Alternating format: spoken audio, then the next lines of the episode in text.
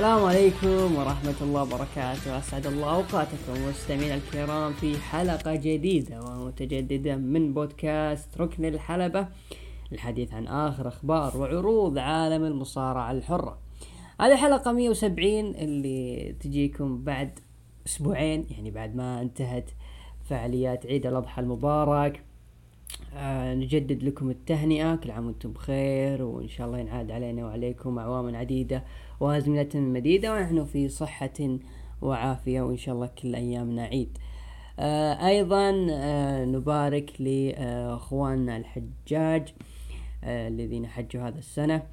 آه نقول لهم حجا مبرور وسعيا مشكور وذنبا مقبول إن شاء الله. آه طبعا هذه الحلقة 170 آه بالتعاون مع محتوايز أخوكم أبو عوف يعود من جديد بعد غياب يمكن شهر أو شهر ونص يعني حول الشهرين تقريبا. آه لكن الحدث هو إن اللي معي الأخ الغالي العزيز الحبيب منتجنا عمر موجود معي في الحلقة ويعني له فترة طويلة صراحة يعني يمكن من بعد راسلفينيا ما سبق وتناقشت معه. فرحبوا معي العزيز الغالي عمر القحطاني. ولكم يا أبو قحط. حبيبي الله يسلمك. السلام عليكم ورحمة الله وبركاته. آه الحمد لله رجعت. كانت آه كيف أقول؟ أربع شهور يا عمر الله يديك. مو أربع ثلاث. من شهر أربعة. لا ثلاث شهور. ثلاث شهور إحنا في شهر سبعة. طيب. لكن الحمد لله عدنا. اللهم لك الحمد. كان يعني إجازة بسيطة خفيفة كذا تعرفون واحد يعني يعني هموم الدنيا كلها عليه يعني لازم يوقف من شيء واحد. ولكن موجودين في القلب موجودين في القلب. عاد هذه الحلقة يا عمر آه 170 يعني لو آه طبعا هذا الشهر الحمد لله كملت آه سنتين مع ركن الحلبة. فشيء جميل جدا. أنا نسيت مت... آه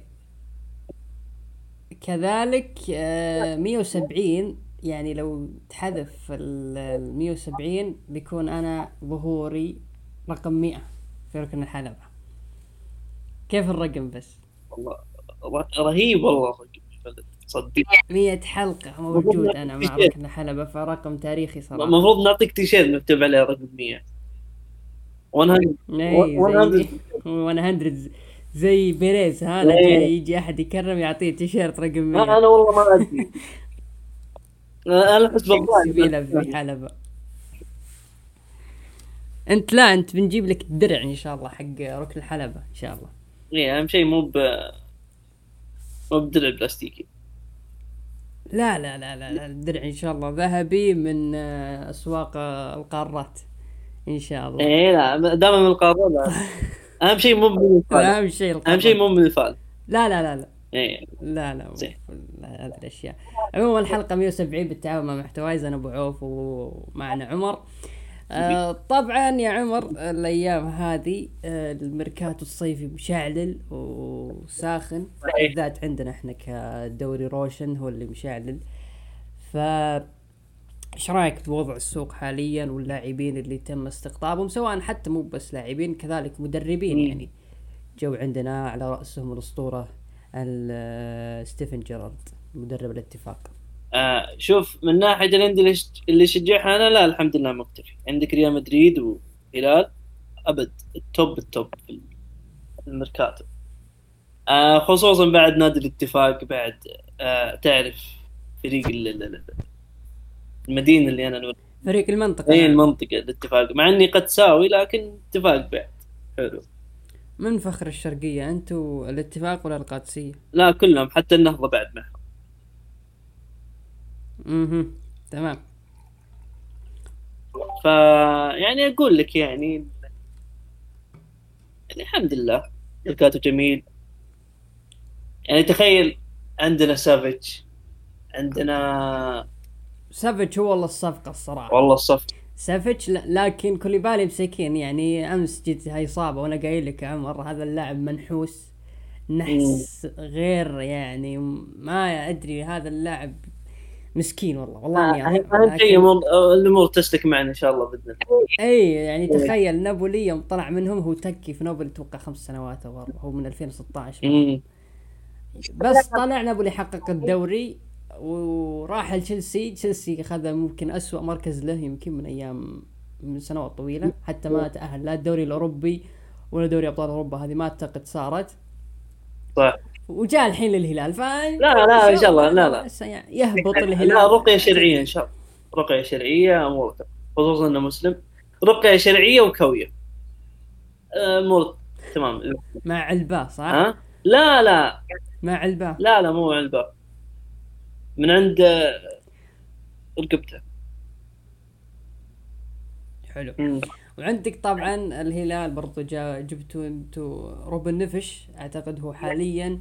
يعتبر أغلى صفقة في سوق الانتقالات إذا ما كان جود هو الأعلى جود بلينغهام من هو؟ لأنه هو انتقل ب 55 55 مليون انتقل من ولفرهامبتون للهلال آه، روبن- آه، روبن نيفيز. صفقة. روبن نيفيش نعم أنت عندك النصر، ما, وقعنا. ما شاء الله من هذا اللاعب الجديد اللي اللي جانا وأنا ما أدري عنه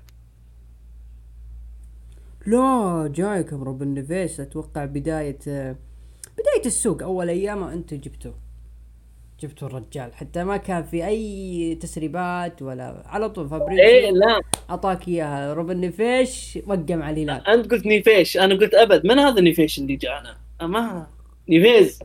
إيه، تعرف أنا عندي ثقافة برتغالية عقب ما جانا كريستيانو. إيه لا إحنا بعد أيوة. لا أنا إن شاء الله ثقافتي بعد سنغ- سنغالية وصربية. الله يوفق. طبعا برشلونة النصر جابوا بروزوفيتش. إيه هذا و... صفقة حلوة صراحة. رهيبه يعني إن شاء الله إن شاء الله يعوض مكان لويس جوستافو اللي آه، أعلن رحيله. هذا الميركاتو آه، أما بخصوص برشلونة ما جبنا إلا الشيبان جايبين جندوجان وهذا اينيجو ما أدري وش اسمه أمه، هذا جاي من أتلتيك بلباو وبرضو جاء, جاء وقعنا مع روكي. المهاجم جاي من البرازيل لكن للأسف آه، راح يلعب معنا موسم 2024 2025 يعني مو السنة الجاية السنة اللي عقبها إذا الله أحيانا حياة طيبة. لا الحمد لله. والله اللاعب عنده اللاعب عنده آه، إمكانيات صراحة. هم؟ اللاعب عنده إمكانيات لكن أنا ما أبغى أكبر اللقمة شوي. تعرف ال- يعني برشلونة الإعلام عندنا قاسي جدا مع اللعيبة بالذات الأجانب. فما ودنا يعني نحط آمال عليه لأنه مشكلة الجماهير قالوا هذا سواريز الجاي. إيه. شوف اسمع فمشكلة إذا أنت بتقارن لاعب بتقول عنه هو سوارز الجاي وآخر لاعب يعني بيكون هو خليفته كان ليفاندوسكي هذه مشكلة صراحة من الجمهور حقينا. فما ودي والله اللاعب ينقتل مثل ما انقتل آرثر اللي تبين بعدين إنه لاعب أقل من عادي. ولا دي يونغ اللي قالوا إنه راح يكون تشافي لكن فجأة طلع لنا جافي من تحت الأرض وتقريبا سحب البساط منه. فما ودنا هذا الروكي برضو عمره أتوقع صغير هو ما يأكل السوق عليه. شوف أنت أنت لا ترفع أمالك نفس ما ما أرفع أنا امالي في بري وايت يعني أنت أنت خذ هذا كمقياس في الحياة يعني بشكل عام. يعني لا لا يعني لا تقول أوه هذا اللاعب اللي okay اللي بينسينا ميسي واللي بينسينا آه لا ما حد ينسيك ميسي رجال راح ميسي خلاص. راح الميامي بغى يصدم توه. إيه بغى يصدم. قاطع إشارة. الله يهديه الله يهديه الله يهديه؟ آه، تونا قايلين سالفته سبحان الله. عندك بعد آه، ريال مدريد ما شاء الله سوقكم ولع جبتوا جود. بلينغهام وجبتوا التركي ذا اللي ما يستحي على وجهه. اسمه أردا والله ما أدري. والله ما ومسلسل مسلسل مبابي عاد من جديد الموسم الثاني نقدر نقول آه عادت من جديد الأخبار لكن هذه المرة هو أقرب بكثير من قبل سنتين. في أحد التصريحات آه لما أعلن امبابي رسميا أنه باريس سان جيرمان عبارة عن نادي كله تحزبات واللعيبة مو طايقين بعض. وهذا السبب هو اللي خلى باريس سان جيرمان ما يفوز بدوري أبطال أوروبا. تخيل هذا امبابي اللي مصرح. رد عليه رئيس آه، باريس سان جيرمان أصل الخليفي وقال إذا أنت مو عاجبك ترى يمديك تطلع.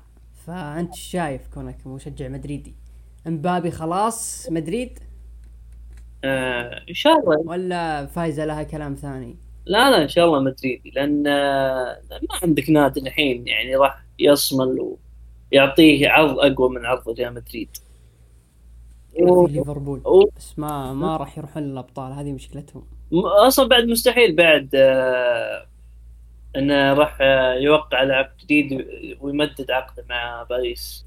يعني عندك لاعب وعندك لا هو عقده ترى عشان تكون في الصورة عقده هو إلى 2025 أجل ليش الناس مستعجلين؟ آه، بسبب التصريح اللي طلع الرجال. آه ما أدري. صدق صدق ما أدري. لأن أنا حسبت إيه لكن أنت تتوقع هو خلاص قريب لريال مدريد؟ إيه إذا ريال مدريد صامل على بعد يشترون عقده بعد زيادة ف اي راح يشترون العقد أكيد. إيه، ف- بس ما أدري كم شرط الجزائي حقه. أهم شيء إنه ما ما ما يسبب لنا نفس لازم نبيع رافعات. ورافعات لا لا إن شاء الله. الله هذا لا لا مدريد مدريد وضعه سليم ماليا. مدريد ترى أفضل من قبل سنتين. يعني انت متخيل قبل سنتين لما طلع بيريز وسوى ال Super League كان فعليا مدريد يعني يعاني من أزمة. صح. وبرشلونة كان رايح فيها هو. لكن الآن مدريد وضعه تحسن. رغم إنه هو أيضا هو دفع آه، بشكل كبير في هذا السوق. لكن دام إنه عنده ميزانية وقادر الآن يجيب صفقة أحلامه اللي هي امبابي فايش يمنعه؟ بعكس خوينا اللي عندنا قام يوقع مع لعيبة من الآن لكن ترى بتلعبون بعد سنتين عشان ندفع القسط على قولة خوينا عبد الله تيكر. دافعين بتمارة بس آه، ف... بس أنا شفت إيه. خبر يا أخي ما أدري هل هو صحيح ولا لا يا أخي عدينا الخبر لا إن آه، لابورتا يا أخي أكل صحن زوجة واحد من عندهم في حفل مدري إيش سمعت عن الخبر هذا؟ والله أنا هو طلع تصريح قال إني أنا أحب الأكل. لكن مو بهالدرجة عاد بخيل يقعد ياكل آه، أكل غيره لا وزوجة واحد من أخوياه صعبة صعبة, صعبة يكون شركة جداً. عددك والله عاد ما ندري عن الرجال ما قد سكنت معه ولا قد خو... لا قد خويت سمان لكن مثله ما إيه سمين ومطفر هذه جديدة عموما طبعا سوق الانتقالات زي ما أنت عارف الفترة الحالية في هجوم كبير على السعودية. آه، بالذات من اخو من الإنجليز من جيمي كاراجر لما قال إنه اللي قاعد يصير هو عبارة عن غسيل رياضي وإن السعودية جالسة تاخذ لاعبين بس علشان الأموال وتدفع فيهم مبالغ كبيرة يعني ما أدري الأخ جيمي كاراجر يا الشريف آه، على غفلة. آه، حاب أذكرك إنه ترى تشيلسي الميركاتو الشتوي هذه السنة تقريبا يعني دفع ما يقارب 300 مليون. عندك مودريك وعندك آه إنزو فرنانديز هذول ال top. وكذلك جواو فيليكس لما جابوا إعارة جابوا ب 11 مليون. وكم صفقة كذا. غير فوفانا اللي جابوه في الصيف. فهذه كلها يعني 300 مليون دفعها تشيلسي في شهر. وجالس تغثنا يا الحبيب إنه والله جالسين تغسلون. طيب هذول إيش قاعدين يسوون؟ المبالغ الكبيرة اللي قاعدة تدفع لل Pre- لل Premier League وال ال- الأندية اللي تدفعها. آه كمان ما تنبلع. ولا جايك آه، ميروسلاف كلوزة برضو جالس يطقطق على السعوديين هذا. اللي بيروح هناك بيروح عشان الفلوس يا حبيبي يا ميروسلاف كلوزي اللي ما صرت هداف كأس العالم إلا من وراء السعوديين آه، ترى كلنا نعرف. كيف ما المانيا. استضافت كأس العالم 2006 الشيك اللي راح للفيفا بالغلط سبحان الله بالغلط واللي انسجن على أثرها الأسطورة فرانس بيكن باور هذه ما ما تتكلم عنها يا كلوزي لكن تتكلم عن السعودية عادي فهذول الأجانب والنرجسية الزايدة عن اللزوم اللي سبحان الله مثل ما انفضحوا العام الماضي بسالفة الشواذ ينفضحون هذه السنة بسالفة الأموال والغسيل وإلى آه، هذول كلهم ثلاث كلمات بس زغرطي انشراح بس. بس قالها لكم عمر. زغلطي انشراح آه خلصنا خلصنا من الكورة. آه ندخل العالم متابع غير جيد. لكن يعني فيني انتباه للكورة. ما أدري آه ما شاء الله ما قصرت بس يا أخي ال- ال- يا أخي الشغف مات شوي ما أدري ليه. هو ما شاء الله شغفي أنا في كل شيء ميت ما ما أدري ليه. بنحي بنحي إن شاء الله بعيد إحياء بعيد بعيد احياء بعيد إحياء الشغف عندك مع الخبر الأول أو التصريح. عندنا تقريبا أخبارنا اليوم كلها تصاريح ما في أخبار إلا خبر واحد يعتبر دسم. التصريح الأول من آه، تيدي لونج يقول لا أفهم ما يحدث مع بري وايت ال WWE أعادت النجم ثم أبعدوه فجأة. أعتقد أن الأمور بين الطرفين ليست على ما يرام. طبعا عمر معروف أن أكثر شخص مهتم فيما يخص في بري وايت. فإيش رأيك في تصريح تيدي لونج وإذا عندك رد آه، افهم المدير عام SmackDown السابق. آه، أول شيء يا أخي تعبت وأنا أكذب شو اللي صار مع بري وايت. آه، كان كنا okay حلو حلو حلو إحنا متحمسين مع مع بري وايت. الفكر الفكرة اللي بيقدمها okay حلو. لكن الواضح إن الفكرة لا اللي هي اللي مشت مع ال- الكتاب ولا الفكرة اللي اللي براس بري وايت. هو في راسه فكرة بس الظاهر الكتاب ما كتبوها زين وما أدري وبعد بري وايت بعد صار نفسية بعد ما أدري هل هو بعد وفاة آه آه لوك هاربر برودي لي. ها إيه. هل هو بعد وفاته؟ لأن في أخبار تقول إن نفسيته يعني صايرة يعني سيئة لأبعد درجة. ف هو نفسيته بعد وفاة آه، لوك هاربر أو برودي لي. أنا أتفق معك. نعم الرجل آه، كان في حالة لا يرثى لها. صح. والدليل آه، وضعه مع راندي أورتن كيف أنه كان في mood يعني ما هو موجود.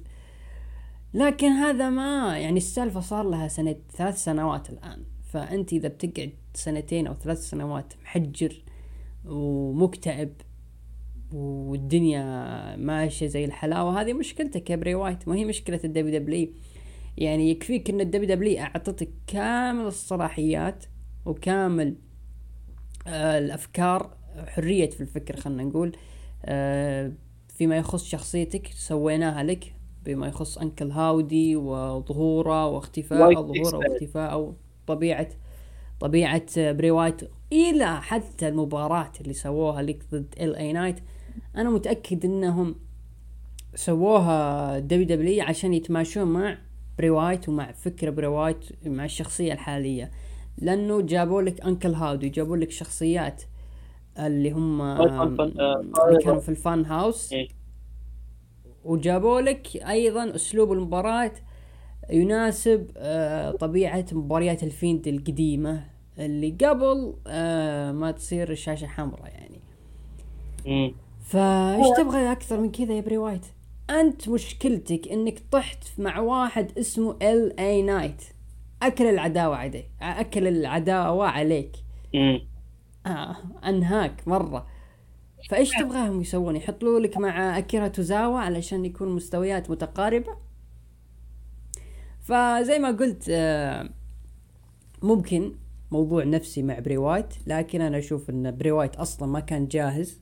والدليل ال- الإصابة اللي تعرض لها بعد مباراته مع LA Knight تعرض لإصابة هو ترى. أو وكذلك حتى بعد في إصابة بعد إيه. مع جندر بالاصبع الظاهر وأضف عليهم آه ضياع الكتاب مع آه مع الشخصية ومع طريقة الكتابة. هذه يعني خلت ما ما يتمشون تحس انهم ما يتمشون مع أفكاره. كذا افكاره في وادي هم في وادي. يعني لا مو أفكار في وادي هم في وادي. هم اعطوه الحرية اعطوه كامل الصلاحيات وهو عادي بيكتب لك اللي تبغاه. فمن تلومه في, في الأخير. تلوم WW ما تلومها. هم ضاعوا في الأخير. لأنه هذا الرجال كل شوي عنده في باله فكرة واستعجلوا شوي لما جابوا أنكل هاودي وطلعوه بدري. وبعدين لما هاجم برواية أنكل هاودي والأسبوع اللي بعد أنكل هاودي بروايه سوا. ما فهمنا ليش الهجوم وإلى الآن ما ندري ليش أنكل هاودي رجع فاز حتى أنا وأنا اكلمك ضعت كله من برواية لا حول ولا قوة إلا بالله. فعشان نكون مركزين نروح للخبر اللي بعد إذا ما عندك إضافة. بس تصدق تصدق بس بضيف نقطة بس. آه رجعت بري وايت مع ال- الخيبة الأمل اللي صارت لي صرت ما أرفع آمالي على أشياء واجد. أشياء واجد حتى غير المصارعة في أشياء واجد. ما, ما أرفع آمالي أبدا. لأن نعم والدليل والدليل لما رفعت. آمالك؟ لما تسقط تطيح على وجهك. تكون الطيحة قوية أقوى. فأنا خلاص صرت يعني يعني على الأقل أخليها منطقية أكثر مما مما تكون آه، كيف أقول لك؟ عاطفي, عاطفية إيه. يعني زي اللي صار مع مهرجان. فوربدن دور لما الأخوان الجماهير رفعوا فيه رفعوا فيه بالنهاية طلعت مباريات يعني محدودة من 14 مباراة. ال- اللي بعده سانتوس إسكوبار صرح قال إنه سيتم ضم عضو جديد لعصابة ال Latinos اللي هي LWO وترقبوا. أعتقد واضحة يا عمر. واضح. من هو النجم؟ كارليتو بعد ما أعلن في احد الانجليزيه عنه كنت بعطي خيوط لهذا للشخصية بقول ياكل لا لا واضح. واجد. الرجال هو أصلا باكل ياكل تفاح واجد مكدش. يقول أثبت إنه في شافوا شافوا شافوه أصلا شافوه قبل شهر في بورتوريكو والناس تحمست معه. والله ما توقعت إن كارليتو يظهر تصدق. ما جاء في بالي هو. حتى أنا بس يا أخي ترى رهيب يا أخي. من لكن الشخصيات قلائل يا أخي اللي اللي أحبها.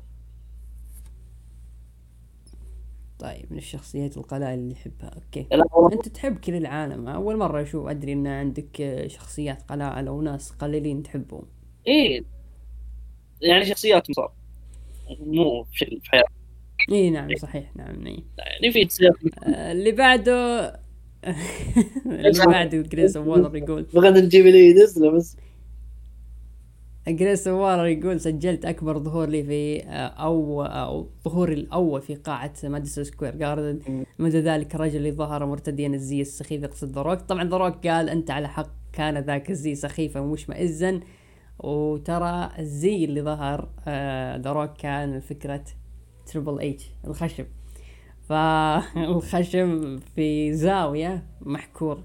كذلك جريسون وولر أيضا آه، يعني آه، قال إنه أو اقترح إنه The Rock آه، يكون هو ضيفه في آه، فقرة Grayson Waller Effect فأنتوا إيش رأيك يا عمر؟ إنه The Rock آه، يسحب على مباراة مثل ذا روك ضد رومان رينز ويروح لكريس وولر افكت يعني راس مالها ركبارة مخل ويمشي.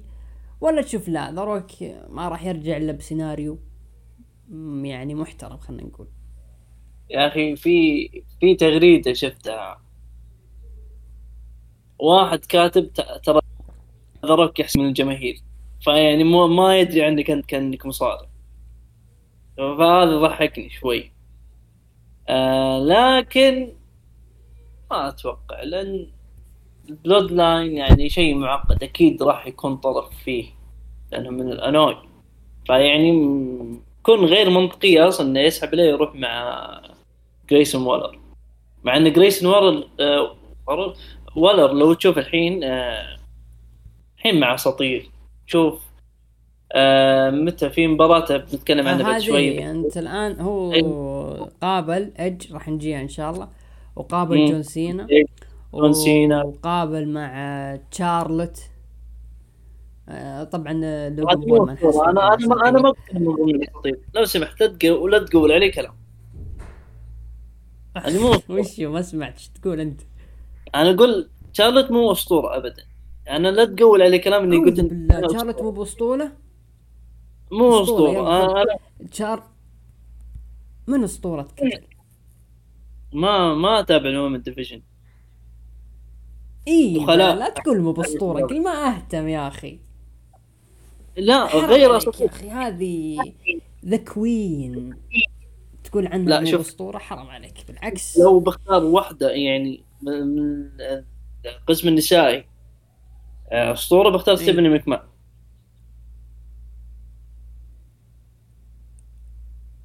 واضح إنها هجت واضح إنها هجت معنا؟ هجت معك أنت ولا أنا؟ يعني ما في نقاش على أسطورية آه، تشارلوت يعني بصراحة. لكن خلنا في جريسون والر. وستيفاني ماكمان طيب نوجه لها تحية. آه، يعني شفناها في آه، Crown Jewel ما قصرت. لكن ما شفت أنا في المؤتمر الصحفي. شافها واحد اسمه عبد الرحمن الله يهديه. ما علم والله. هذا ما خلى احد إلا وشافه. شاف شا- بيكي وشاف ترش وشاف ستايلز. لا حول ولا قوة الا بالله لأن ما شفنا إلا درو, درو ماكنتاير من بعيد. المهم يعني ما أنا ما- تتوقع انه The Rock يظهر ف أنا ما شفت حد الوالر. آه لا مستحيل. أبعد يعني مستحيل. مستوى أقرب من المستحيل. يعني قريب من المستحيل يمكن. والله أنا أشوف إن The Rock يعني ما تستغرب إذا ظهر. لا تستغرب. لأنه واضح إنه عاجبته الفكرة وحب بس الوضع هذا قال okay. بس تصدق الفترة الأخيرة ممكن جريسون اسمع. effect ممكن إيه. آه ممكن تصدق ممكن يرجعون مثلا جون سينا و The Rock لأن الحين ترى في هوليوود في إضراب. فما تدري يمكن يرجعون. يطفشون؟ okay okay خلاص نرجع. والله شوف عودتهم آه، على كلامك هذه في السينما إيه آه، منتج آه، Fast اللي هو هو منتج هو ولا ممثل فان ديزل. الممثل بس ما أدري والله ما المنتج. الظاهر إنه منتج. إيه تكلم تكلم إنه بعد جزئين راح تكون المواجهة بين The Rock وجون سينا في Fast Furious حلو والله هذا الحين الدكتور- حياتهم طيبه سنتين. الله يحييك إي بس أنا أنا- عاد ما ادري الفيلم ذا Fast X أشوف فيه آه، فيه تسفيل. يحطون Fast آه لا Fast X X Fast triple X كذا. آه ما ما أدري أنا اللي أعرفه Fast X Fast double X و triple X هذه ما أعرف أنا أول مرة وش هي يمكن هذه؟ يحطون آه آه، يعني ولا وش هي؟ لا ما أدري يمكن يحطون Fast Y بعد. والله. ما أدري. الفيلم هم هم كيف؟ يسمون اللي يسمونه أهم شيء أهم شيء إن إحنا يعني نقراه زين. نعم. عاد ال- الفترة الأخيرة عاد الأفلام ما شاء الله مشعللة. بين ترويج وبين حماس وبين قول قول اسم قول. اسم. قول اسم قول اسم. ماني بعرفه شو اسمه حق كليان ميرفي جست أقرأ اسمه. أوبنهاير هو؟ لا لا لا في في بعد. بالك شيء فيلم؟ ثاني. في بالك فيلم ثاني. كليان ميرفي. ما أدري شو اسم الفيلم حقه أصبر. لا في فيلم طلع فيه. هامر لا في فيلم أنا اقصده إيه. يا رجال ذا الفيلم يقول لك ان الفلبين حضروه إي وربعنا طال عمرك آه، شو اسمه آه، هم عرضوه أول يوم بعدين آه، حضروه أول ثلاث أيام أربع أيام بعدين رجعوه شوفهم رجعوه فجأة. ما أدري وش سالفتهم ذولي لكن والله لو يمنعون إنه أحسن يا رجال. أعرف لك واحد حتى بعد ناوي يسبق سيارته بعد وردي من آه، آثار الفيلم. إيه، الفيلم عاد آه، تصدق أنا كنت آه، في ترى. اسمه؟ أقول تصدق إني كنت ناوي أشتري آه، ايس كريم فانيليا بس هونت. كنت تقول لي بعد باربي بعد فاضي لك إنه. عموما بس الخبر الأخير آه، دقيقة علمك شو ودي يسوون فيلم؟ يسوون فيلم عربي. فل فلة يعني باربي مو بأحسن منها. جبنا فلة محجبة باربي محجبة. خلينا نسوي لنا فيلم فلة عادي. فلة قديم أنت الله يهديك. وين؟ سبيستون عادي. شمعة منورة. عموما نروح لآخر خبر لأن عمر بدا يضيع الله يهديه. الله يهديه. وإنا قاعدين نسولف عن كارل كارليت وجبت تفاحة معي. آخر, آخر خبر. آه يقول لك المصارعة تعود بقوة إلى إنجلترا في 27 أغسطس المقبل. مهرجان All In الخاص ل AEW باع 75 ألف تذكرة حتى الآن. الحكومة الإنجليزية تقول إن AEW توني خان قام بعمل ضخم للغاية لاتخاذهما قرار إقامة المهرجان عندهم. النواب والأحزاب السياسيين الإنجليز طلبوا إعادة إحياء المصارعة في لندن وهو ما حدث بالفعل عندما قامت ال WWE أو عندما قامت بالضغط على ال WWE التي استجابت وأعلنت عن احتمالية استضافة لندن ل WrestleMania في المستقبل وذلك عن طريق الأسطورة جون سينا.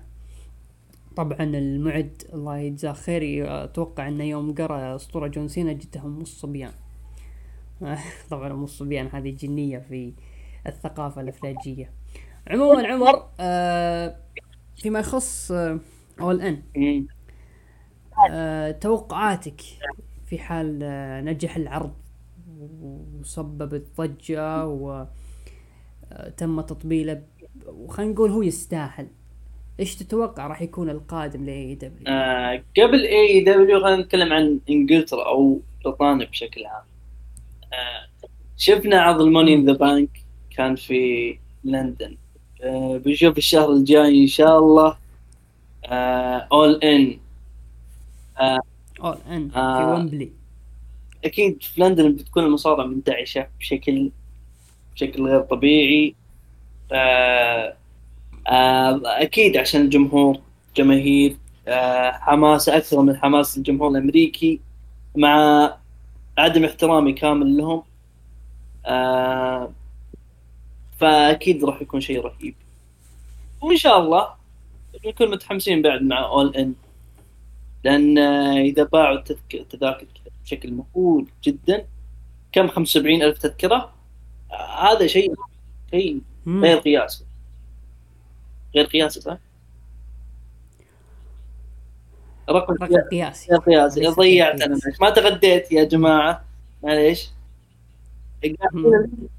كل تفاحة كل تفاحة. ترى لي ثلاث ساعات. إيه؟ أقول كل كل تفاحة ترى إيه. زينة يعني للذاكرة و إيه باخذها إن شاء الله من آه فأقول يعني إن يكون شيء جميل يعني متأمل فيه بإذن الله. وزي ما قال الخبر وجون سينا أعلن إنه لندن deserve WrestleMania خلاص WrestleMania بيكون في لندن. أنا ما أدري WrestleMania 41 وين بتكون فيه. أبى أشيك لكن ما أعتقد إنها راح تكون بعيدة راح تكون قريبة مرة. ليش؟ ليه؟ أنا بقول لك يا عمر أنت الآن يعني سويت عرض كبير في بريطانيا آه في مكان يعني جدا يعني معلم معروف مثل ويمبلي تصير فيه احداث كبيرة وصار يعني كلنا نعرف إنه في آه سبق ال WWE سوت آه عرض SummerSlam أعتقد 92 إيه 92 سوت عرض هناك ونجح العرض نجاح كبير ترى. و فلما تسوي AEW نفس الكرة هذه وتسوي العرض وينجح يعني شوف التطبيل اللي بيصير خلف في مواقع التواصل هذا يعني صاير لا محالة وأنت عارف أنا شو أقصد. لكن ما بعد العرض يعني ردات فعل الجمهور تجاه العرض إذا نجح وصار في يعني لحظات راح تكون تاريخية. يعني, يعني كلنا نذكر مهرجان All Out 21 لما ظهر دانيل براين وظهر آدم كول وكان أصلا العرض كان حلو. فإلى يومك العرض يذكر وكل الناس تتابع AEW ذاك العرض. خصوصا أول مباراة أعتقد ل CM Punk بعد آه غياب. فإذا صاروا فعلا AEW نجح نجاح كبير في هذا العرض ف AEW راح يضرب أسهمه فوق. وهنا راح تنتبه ال WWE صراحة لموضوع ال WrestleMania وموضوع AEW تاخذه بشكل جدي وقادر تنهي ال WWE بس لو تعقل شوي. آه رأس 41 للآن ما ما تحدد ما أعلن بشكل رسمي لكن المتصفح عندي يقول إنه قريبه لندن فخلاص. اول آه ان إذا نجح أو فشل في كل الحالتين WrestleMania 41 اللي راح يكون في لندن راح يكون تاريخي وراح تقريبا آه يضرب إصبع AEW لأنه راح يدرسهم. أنت جيت في موقع كبير مثل السوق البريطاني سوق معروف جدا في عالم المصارعه الحره وأنت قلت أن البريطانيين عشاق لل pro wrestling واصلا أن WWE سوينا عرض هناك لنا محسوب علينا هناك ونجح هذاك العرض اللي هو NXT UK. وجبنا منهم مواهب وأحد مواهبهم الآن آه، بطلة نساء عندنا اللي هي آه، ريا ريبلي وأيضا راح يكون عندنا future آه، مستقبلي اللي هو جونثر أو وولتر. وعندنا JD ماكدونا اللي كان سابقا جوردن ديفلن و واسماء اقسم دراجونوف بعد نسيته. دراجونوف صح. دراجونوف أكيد. ف يعني إحنا قادرين نسوي عرض ناجح هناك وزي ما قلت سويناه هناك ونجح. فأنت لابد تضرب قوتك وتفرد عضلاتك يا AEW علشان خلاص يكون AEW راس براس مع ال WWE خلاص بشكل رسمي. لكن لو صار مثل ما صار مع Forbidden Door وكان العرض جيد لكن وما بعد العرض ما كان ذاك الزود ال WWE راح تسويه في WrestleMania 41 وراح يكون كبير سواء كان ناجح ولا لا. لأنه هذا راح زي ما قلت يخلي ال WWE تصحصح شوي إنه ترى اللي قاعدين تقدمونه ما هو قد التطلعات بغض النظر إيش الأرقام اللي قاعدين تحققونها لكن في عرض أو في اتحاد ثاني بدأ ياكل الساحة الدولية وعلى رأسها بريطانيا فهذا تنبيه كبير للدبليو بس تصدق؟ آه عندك أي إضافة؟ آه عندي إضافة شوف الشيء الإيجابي إن آه، بغض النظر عن الجماهير ولا الكارت يا أخي التوقيت لأن التوقيت عندنا مع مع بريطانيا يمكن ثلاث ساعات بس مع لندن. فزي ما شفنا في الموني ذا بانك شفنا متى؟ الساعة كم؟ الساعة 9 الساعة 10 الساعة 9 يمكن. 9 الليل. الساعة 10 كان شيء رهيب يا أخي. تتعشى وأنت تتابع. غير لما تكون أنت آه، تتابع عرض مثلا في توقيت أمريكا متى؟ الساعة 3 الفجر.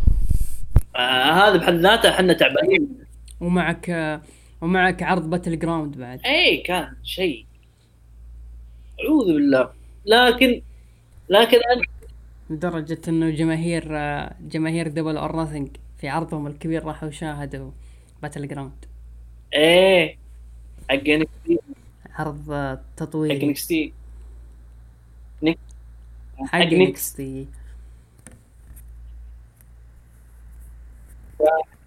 فأقول يعني توقيت راح يكون شيء جدا. يعني عشان كذا أنا متحمس والله فعلا أنا أتفق معك. موضوع التوقيت صراحة كبير والله. يعني عندك الآن الشريحة اللي أنت ما تستهدفها اللي هي الشرق م. الأوسط.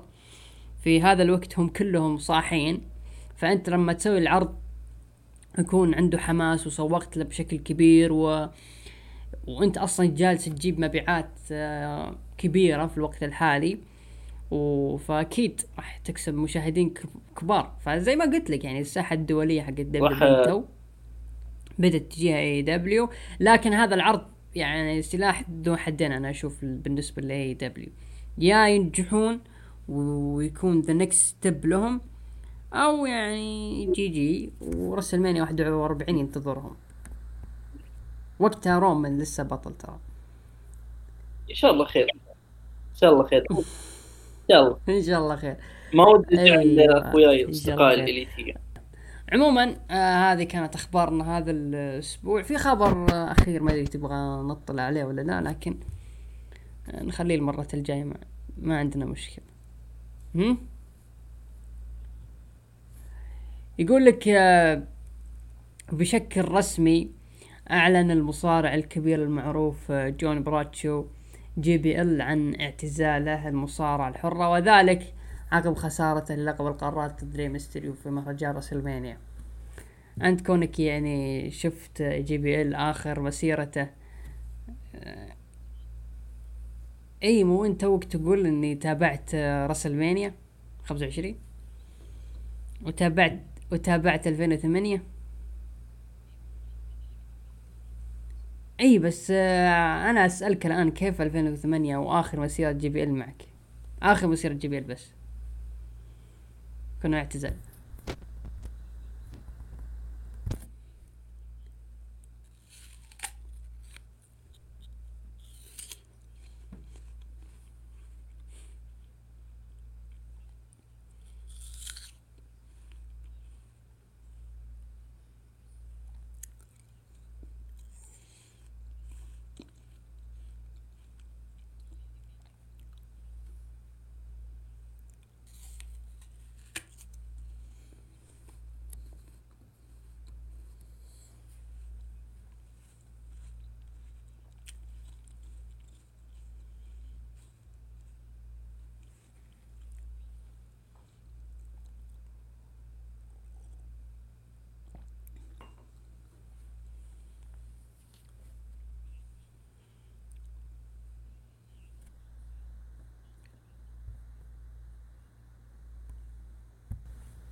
آخر مسيرته تشوفها حلوة ولا لا؟ كبطل سابق WW واسم كبير يعتبر.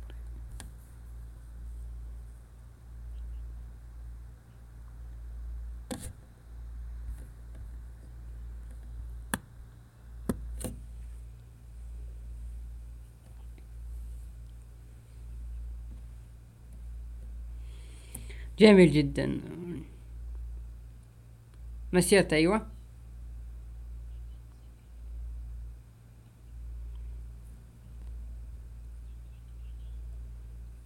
اي 2004 2004 2006 ما أتى قرير الله يهديك. وين 2006 فاطس خالص. نروح مع عرض سماك داون اللي صار في ماديسون سكوير جاردن. طبعا هي القاعة اللي جون سينا حقق فيها أول ألقابه في مسيرته المهنية وكان لقب الولايات المتحدة في رسلمانيا 20 ضد بيج شو أفتتح العرض بدخول الأوسوس آه، في الحلبة. ضد مين طيب؟ ضد البيج شو. إيه. صحيح. ضد البيج شو آه قال الأوسوس في مدينتكم وجيمي قال إنه لا يمكن هزيمته ولكن ماذا حدث في ماني ذا بانك لقد هزم. هزم. بعد العد واحد اثنين ثلاثة ولكن قاطعهم بول هيمن وقال حلوة ومع سولو سيكوا ابو عوف أنا أقدم لك سام أقول حلوة اللي هو بالتأكيد. هزم. ما أدري إيش تقول. أقول هزم. الهزم حق هزم. تاكيد إنه أنهزم صح؟ أنهزم صح. إي مع إنه ترى أنهزم قبلها في آخر و 22 أنهزم لكيفن اونز وجون سينا لكن ما لا. الإعلام ما خ... ما أعطاه حقه تثبيت للأسف. رجاء فرق بين الخسارة. عاد هم يقولون هزم ما لو لو قال اسمع سولو سيكوا كان متقاضي ذيك المباراة فخسر ضده. فخسر صح؟ خسر. هو والله ما ما ما تثبت والله ما أدري شو الفرق لكن يلا نمشيها. WWWW مشي يا عمر مشي. يلا عشان. آه، يقول آه، بول هيمن آه ومع سولو سيكوا أنا أقدم لكم دليل في المحاكمه اللي تسوونها في رومان رينز والدليل الأول هو ولكن الاوسوس اسكتوه وقال بول لا لا ولا واحد منكم له الحق يسكتني الوحيد اللي يسكتني هو سولو. ما شاء الله مستانس بول هيمن إنه يبي سكته سولو. المهم أخذ منه المايك وسط هتافات من الجمهور وسوى مو ما سوى شيء. مازوخي. رماه آه يقول بول هيمن اللي يسكتني في ذا الدنيا سولو. إيه يعني شكله مازوخي. يعني المهم ما فهمت. آه طبعا دخل. تكبر تفهم إن شاء الله. آه بطل ال undisputed العالمي رومان رينز. ودخل الحلبة والجمهور يهتف أنت خسرت. وقال ماديسون سكوير جاردن اعترفوا فيني وأنتم على حق. تم تثبيتي ولكن آخر معلومة أنا ما زلت زعيم العقي القبيلة. وخلوني أفهم بشكل واضح وواضح ليه أنا هنا وأضيع وقتي. وليه تم استدعائي لأجل محاكمة القبيلة. قال الاوسوس أو قالوا الاوسوس لا لا وجاي أنت تلاعب فينا ونشوف كل الأحداث ومعنا كل الأدلة. وظهرت أدلة إن رومان ظلم الاوسوس بآخر الأشهر قبل الانقلاب وقال رومان ما فعلتها وهذه ليست طبيعتي. آه يعني جحد يعني ما سويت أنا. وهذه ما هي طبيعتي تم إجباري على هذا الشيء وأنتم توقعتوا إني أحب أسوي كذا وكذا وأنا سويتها من أجلك. يقصد جاي. وعشانك يا جيمي وسولو وأنا تصدرت قبل بلود لاين في المانيا والبلود لاين احتاجوني وأنا ما احتجتهم. بالأخير ما شاء الله يقول يقول أنا ما احتجتهم. وبالأخير تجيب لي اللقطات اللي تحرجني وسبب شخصيتي الحالية أنا وأخذت عبء عائلتكم كلها ورفعتكم للأعلى. قال أنا ما ابي المال ولا النفوذ وإذا تبي هالشيء. قال ما أبيه وأنا انتهيت. من كل شيء. تذوب. تذوب ما أبيه لو لبسه ولبسها جاي وفجأة رومان ركع على ركبتيه وسط تفاجؤ الجميع. ليعترف بجاي ولكن مفاجأة رومان يعطي ضربة تحت الحزام لجاي وجيمي انجلد وبالاخير انجلدوا الأوسوس من رومان وسولو سيكوا. رأيك بال segment؟ آه segment رهيب. آه آه هذا ال segment هو اللي كيف أقول لك اللي راح يقودنا إلى السمر سلام يقودنا إلى عداوة آه آه أو إلى مواجهة جاي أوسو ورومان رينز على اللقب لأن إيش؟ لأن okay شفنا ال segment segment استهدفوا مين؟ استهدفوا جيمي أوسو جي. جيمي أوسو طيب جيمي أوسو خلاص طلعوه طلعوه من القصة الحين فطلعوا الحين. آه جاي أوسو إنه إيش؟ إنه يبغى ينتقم لأخوه إنه يبغى يصفقهم ويفقع وجيههم كذا ف segment رهيب segment حلو زي ما يقولون this cinema this ال cinema this cinema yes yep كان حلو يعني كيف أقول لك؟ كان حلو إن شيء يقودنا إلى السمر سلام. يعني جاي ورومان جاي رومان أيوه. الحين أنتم شليتوا جيمي. فا okay. فيعني راح الحين دي الساحه تفضل. جاي. رومان ورومان أيوه. وجيمي يكون مع سولو؟ آه لا جيمي آه جيمي في المستشفى الله يحييك. آه صح خلف الكواليس معلش إيه. خلف الكواليس جاي مع أخوه المجهول جيمي بسيارة الأسعاف نعم. لكن أقصد أنا في سمر سلام يعني جيمي ضد سولو. آه آه. لكن ما أتوقع. لا, لا بس يعني سولو راح يكون يعني مع شو اسمه ذا مع جاي لا آه، س- ج- سولو راح يكون مع رومان يعني الناس في. صف رومان يعني. فما ما أدري عن المباراة إن كان مين اللي كان بيفوز لكن أكيد أكيد راح يكون رومان هو اللي بيفوز.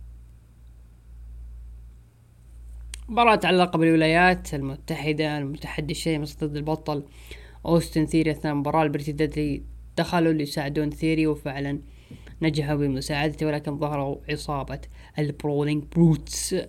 واوستن ثيري جلد شيمس وثبت سريع وفاز أوستن وحافظ على اللقب. أنت عارف هذه المباراة كان المفروض تكون في ماني ذا بانك لكن آه الجمهور الجمهور كان لهم وجهة نظر إنهم يخلون آه آه شو اسمه كودي رودز ودومينيك ميستيريو. نعم. يا أخي. آه اللي بعدها جريسون وولر إفكت. آه فقرة جريسون وولر. رحب فيها وولر للجميع وقال رحبوا بعضو قاعة المشاهير ايدج وقال مبسوط إني هنا في مدينة نيويورك وقال جريسون لحظة لحظة عندنا إعلان مهم. أنا أقول خبر للجميع وقال ايدج ما فهمت وش تبي؟ أنا أحتفل بخمسة وعشرين سنة بمسيرتي هنا والشهر القادم في تورونتو. قال جريسون وولر وش بعد؟ وايدج استغرب قال وولر ليش رجعت للدبليو؟ دبليو وقال ايدج بكل بساطة بسبب الجمهور وبجيك بعد شوي. ويا نيويورك أول حدث لي مباشر في المصارعة كان سمر سلام 98 وزميل سيبل ضد مارك ميرو وجاكلين وجيت بين بين الجمهور. وقال أنا أحترم مدينة نيويورك وأعمل بجد وقوة وقال وورر هالشي رائع إنك هنا. وإعلان أجل المهم هو إن اعتزاله راح يعتزل ووقف ويعني ووقفوا الناس. آخر مرة بتشوفونه في مدرسة سكوير كارد وصفقوا له وايج استغرب وقال لعلمك يا جريس هو الأسبوع الماضي أنت وقفت ضد جون سينا في لندن وبعد أسبوع الآن أنت وقفت امامي في ماديسون سكوير جاردن وفي شخص يشوف شيء مميز لك وأنت كنت لهنا لمدة قصيرة وما أخذت مباراة ولكن آه والآن آن الاوان أن تسبح أو تغرق وما راح اعتزل بالواقع كلمت المسؤولين وبلعب مباراة الليلة ضد جريسون وولر. آه ايدج آه تتوقع عنده خطط؟ يعني إنه اعتزال ممكن يكون هذه السنة. طب انت عارف إنه عقد المفروض ينتهي هذا السنة بعد راسلمانيا. آه 39 لكن الرجل واضح إنه مكمل والدليل إنه لعب ضد جريسون وولر. فما إيش توقعاتك؟ اعتزال إيدج قريب ولا إنه الرجال لا جدد عقده مع الدبليو دبليو؟ أتوقع إنه جدد عقده وراح يكون السنة الجاية يمكن بداية السنة الجاية. يكون آه، خلاص. ينهي ينهي مسيرته أو أو بالأحرى يعني. يعلن اعتزاله بمباراة راح تكون كبيرة. تكون يعني تليق بمسيرة مثل مصارع مميز. من الخصم اللي تبي ينهي مسيرة ايدج والله أسماء واجد. تقصد عندك ال اي نايت عندك آه، جوني جرجانو عندك آه، وش وش جاتك مرارة؟ لا شوف بس ترى أنا أحب ذول النجوم بس كبوكينج ما أتوقع إنهم قادرين يكونون كلاست شوف نايت. يمكن لأن يعني تعرف ملسون آه، جوني جرجانو صح صعب لكن ودي أشوف إيد ضد جرجانو كمباراة زي يعني زين مثلا ايدج ومصطفى علي. إيه فيعني هذول اللي يشوفهم. تمام. آه إيه جي ستايلز ومع ميا يم لعبوا مباراة ضد كارين كروس وسكارلت. انتهت المباراة بفوز. آه إيه جي ستايلز أو عفوا إيه جي ستايلز لعب مباراة ضد كارين كروس وفاز فيها إيه جي ستايلز. آسكا وصلت للحلبة وقالت لا أحد مستعد لآسكا. دقت موسيقى بيانكا بيلير وهاجمت آسكا ولكن دقت موسيقى شارلوت فلير وهاجمت بيانكا ولكن ايو سكاي ظهرت بطلة حقيبة النساء وبتصرف الحقيبة على آسكا وساعدتها بيلي ولكن بيانكا منعت من الصرف وجلدت بيلي وبقت شارلوت وحدها في الحلبة. ايدج ضد جريسون وولر انتهت المباراة بانتصار ايدج خلف الكواليس رومان رينز جلس أو جالس وظهر بول هيمن وقال جاي أوسو عاد إلى ماديسون سكوير جاردن ويبحث عنك وقال رومان ما يحتاج يبحث أنا بطلع الحلبة وانتظره وصل للحلبة. رومان ومع سولو وهيمان. وقال رومان أنا ما أحب هذا الشيء لكن بعيدة مرة ثانية ماديسون سكوير جاردن وكل أهل نيويورك بما فيها منهاتن اعترفوا فيني. وبعد دقت موسيقى الأوسوز وجاي ظهر بين الجمهور وها وهاجم سولو وجلده وهاجم رومان وجلده بالكرسي وجلد أخوه ب- ورومان انسحب من الحلبة كعادته. وانجلد سولو سيكوا أكثر من مرة بالكرسي وفي النهاية جاي رفع لقب ال Undisputed العالمي من أمام أعين رومان رينز وقال هذا هو الوضع الحالي. أنت هاجمت جيمي وحرمتني منه. لكن أحرز ماذا الآن؟ أنا بنال منك والمحاكمه صارت قتال وأصبحت أنا وأنت فقط. وأقبل التحدي علشان اجلدك مرة ثانية. كانت هذه نهاية عرض سماك داون. هالاسبوع آه، سؤال عمر. آه، موضوع الألقاب. كشكل آه، تفضل أنه رومان يكون مع لقب واحد اللي هو الحزام الذهبي ويكون يعني خاص لرومان رينز. آه ولا لا؟ تشوف إنه الألقاب آه حزام ال Universal والدبليو دبليو يكونون معه عادي. آه. أو ما فرقت معك إنه تكون كل الثلاث ألقاب موجودة معه. آه لا هو كتفضيل شخصي أتمنى يكون اللقب موجود. خلاص أنتم صممتوا لقب. خلاص المفروض اللقب يكون شيء حدث كبير فيعني خله خله مع اللقب ما يحتاج الالقاب الثانية لأنك خلاص يعني أنت اوريدي دمجتهم مع بعض فيعني وش تبي يعني إذا خسر رومان مثلا لو نفترض إنه خسر ضد جاي هل بتجي الثلاث ألقاب ذي كلها؟ لا. كذا فأقول يعني لو يكون على على اللقب بس الواحد الذهبي يكون أفضل لكن الكتاب واضح انهم مبتلشين فيه أنا أتفق معك صراحة رغم إنه الناس راح تعارضنا في هذا الشيء لكن أنا أشوف إنه وجود لقب واحد مم.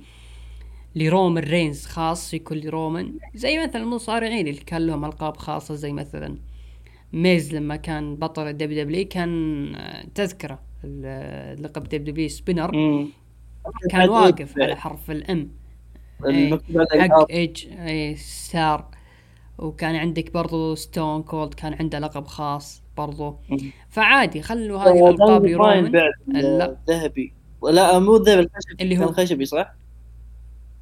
من هو؟ دانيال براين 2019 يمكن أو داني براين كان آه، أذكر كان عشان موضوع البيئة وما البيئة مم. كان براين متحول لمكروه فبرضه صح نفس بعد يعني. فيها ذا فيند كان وذا فيند أحسنت لقب ال- اليونيفرسال والتيميت وورير يلا خلنا إيه. نجلد تاريخ ال- أمام المشاهدين والتيميت وورير كان عنده اللقب آه، فولي بعد. بنفسجي من هو؟ فولي على لقب الهارد كور هو اللي مغير شكله صح؟ ما له دخل ما له دخل ما- له دخل. الهارد كور ما له دخل. ما له دخل ما له إيه. دخل ما له دخل لا لا لا نقصد لا، الالقاب اللي تكون في. المين ايفنت اني كويس فيها. واضح إنه أيوه لا واضح. لكن أنا زي ما قلت. إنه يكون لقب آه، واحد مع رومان. يكون الذهبي. لين ما يخسر رومان عاد ما أدري متى يخسر الله أعلم. لكن بس يخسر آه ترجع للقبين من جديد وعاد يفصلونها. لأنه اللقب هذا خاص لرومان بس بمناسبة إنه وصل ألف يوم كبطل لل Universal وهذا ما أعتقد إنه ممكن يتكرر. وكذلك كسر رقم سي ام بانك 434 يوم. وتدري ذاك اليوم ف- ال timeline كان كان ساحة مولع أنا كان ساحة اذكر حرب تدري؟ اذكره اذكره اذكره لكن هذا الواقع يا أخوانا حبايبي محبين سي ام بانك رقم رقمكم انكسر. آه فرق فرق بين واحد عنده رقم يكسر وواحد عنده 16 لقب عالم. عموما تقييمك لي الله يستر اسمعنا حق الراند يقولون اصبر. آه تقييمك لعرض سماك داون يا عمر. آه سماك داون شوف تبي الصدق العروض كلها تعيسة كانت تبي الصدق. لكن آه يعني تقييم العروض كلها واحد تقدر تقول؟ آه لا لأن آه لأن okay لأن في قصة يعني تمشي في في سماك داون. قصة يعني أنت آه كم لك ثلاث سنوات وأنت قاعد تبنيها فيعني شو اسمه ال storyline جميل حلو جميل حلو آه فأنت قاعد تنتظر سماك داون عشان عشان البلود لاين بس لكن غير بلود لاين تعاسة يعني عندك ايه جي ستايلز إيش قاعد تسوي انت؟ جريسون والر متى راح تصارع أنت؟ بس مباراة واحدة اللي صارعت فيها أشياء واجد بريتي ديدلي. يعني ليش داخلين مع أوستن ثيوري؟ أوستن ثيوري إيش قاعد تسوي أنت باللقب؟ فأشياء واجد تعيسة جدا. صدق يعني. أقول أقول لك إياها يعني بشفافية. صريح العبارة. صريح العبارة بشفافية إنها تعيسة جدا. لكن اللي كان مصبرنا إنه البلود لاين بس. آه طبعا آه. بتقييم العرض بعد ولا؟ امم اي تقييم ستة من عشرة. زي ما قلت. تقييم المستمعين أعطوا من 9 ل 10 18% من 5 ل 8 73% وقال من 5 اعطوا 9% على مشاهدة العرض كانت مليونين و500 ألف مشاهد. آه للتذكير هذا كان أكثر عرض مبيعا في تاريخ سماك داون عشان بلود لاين يا عمر. إيه أقول لك كلهم جايين عشان بلود لاين آه غير بلود لاين تعال اللي قاعد تشوفه. عاد لي فترة ترى ما تابعت سماك داون آخر سماك داون تابعته هذا اللي كان في لندن. بعدها ما تابعت لأن سماك داون بيني وبينك فاضي وما عنده الا ساعتين. بنجيك بعد شوي للعرض الفاضي لكن خلنا في البداية مع AEW Collision و Collision يقيم في كندا العرض. أه بدأ العرض ب promoهات لنصف النهائي لبطولة أوين هارت. أه ريكي ستاركس وباور هاوس هوبز قاعدين يهددون في بعض وكذلك سمو جو وسي إم بانك برضو نفس الشيء. لكن بدأ العرض بدخول بانك كذا على السريع. جالس يتكلم انه آه هذه مباراة يعني الناس يعني منتظرتها من زمان وهذه تعتبر مباراة يعني من أعظم مباراة في مسيرتي المهنية آه في عالم المصارعة الحرة. ويعني المباراة الناس يعني مو بس المباراة فقط هي سي إم بانك ضد سامو جو هي أيضا أوين هارت. فالجمهورين أشجع أوين هارت وقال آه إنه هذه البطولة مو بس أنا يعني جالس أصارع فيها لأني أستحقها لا أنا أصلا بكسبها. يعني كأنه البطولة هذه محسومة له خصوصا أنها تحت اسم أوين هارت آه سي إم بانك يا سي إم بانك يا سي إم بانك. يعني بصراحة يعني إذا أنت مرة جاحد WWE ترى للمعلومية كلنا نعرف إنه جزء كبير من مسيرتك في ال WWE. أو ممكن تكون مسيرتك اللي جابت لك الشهرة هذه والشعبية والمعروف انه في ناس يعني يكونوا منتبهين لك بشكل كبير. ترى كلها من ال WW تحديدا عام 2011 يعني لو ما كان في لو كان في 2010 أو 2012 كذا ما في 2011 ما أعتقد كان في سي إم بانك يعني حقيقة. آه، كذلك أنت جالس تتكلم إنه أوكي أنت من حقك إنك تسوق لمباراتك وإنك متحمس لها خصوصا إنها ضد سمو جو وأنت ما عمرك يعني فزت على سمو جو. لكن يعني هايط لما يكون الشيء يسوى لأنه ال main event ما كان ذاك الزود. المباراة اللي بعد المباراة الأولى عفوا وليس المباراة اللي بعدها المباراة الأولى ريكي ستاركس لعب مباراة ضد باور هاوس هوبز تصفيات أوين هارت النصف النهائي فاز ريكي ستاركس على باور هاوس هوبز وباور هاوس هوبز عقب المباراة جلد كيو تي مارشال واللي معه لأنهم خربوا عليه المباراة. صراحة أنا كنت بتوقع إنه باور هاوس هوبز يفوز ما توقعت ريكي ابدا والسبب إنه آه، كان في بالي إنه باور هاوس هوبز ثاني خصم أتوقع واجهة سي إم بانك بعد داربي الن وكان وقتها باور هاوس هوبز لسه مصارع. يعني كأنه نقول مستجد ولسه بادي في AEW لكن الآن باور هاوس هوبز عنده لقب TNT أعتقد حققه مرتين. وواجه سمو جو اللي راح اللي راح يلعب مع سي إم بانك نصف النهائي. وعنده كيو تي مارشال وهذول الشباب. فكانت بتكون قصة حلوة لو فاز باور هاوس هوبز لكن آه، محاولة جذب آه، كيو تي مارش لأنه ترى فيه آه، سيناريو جالس شغال عندنا مع باور هاوس هوبس. يعني ملا زي ما تكون محاولة لفت الأنظار لا أكثر ولا أقل. لأنه أصلا ما أعتقد في أحد مهتم للسيناريو هذا. video package لميرو شفناه بعدها شفنا الويلو نايتنجيل واثينا جالسين يعني يحرشون بعض وكلهن تهدد المباراة الثانية.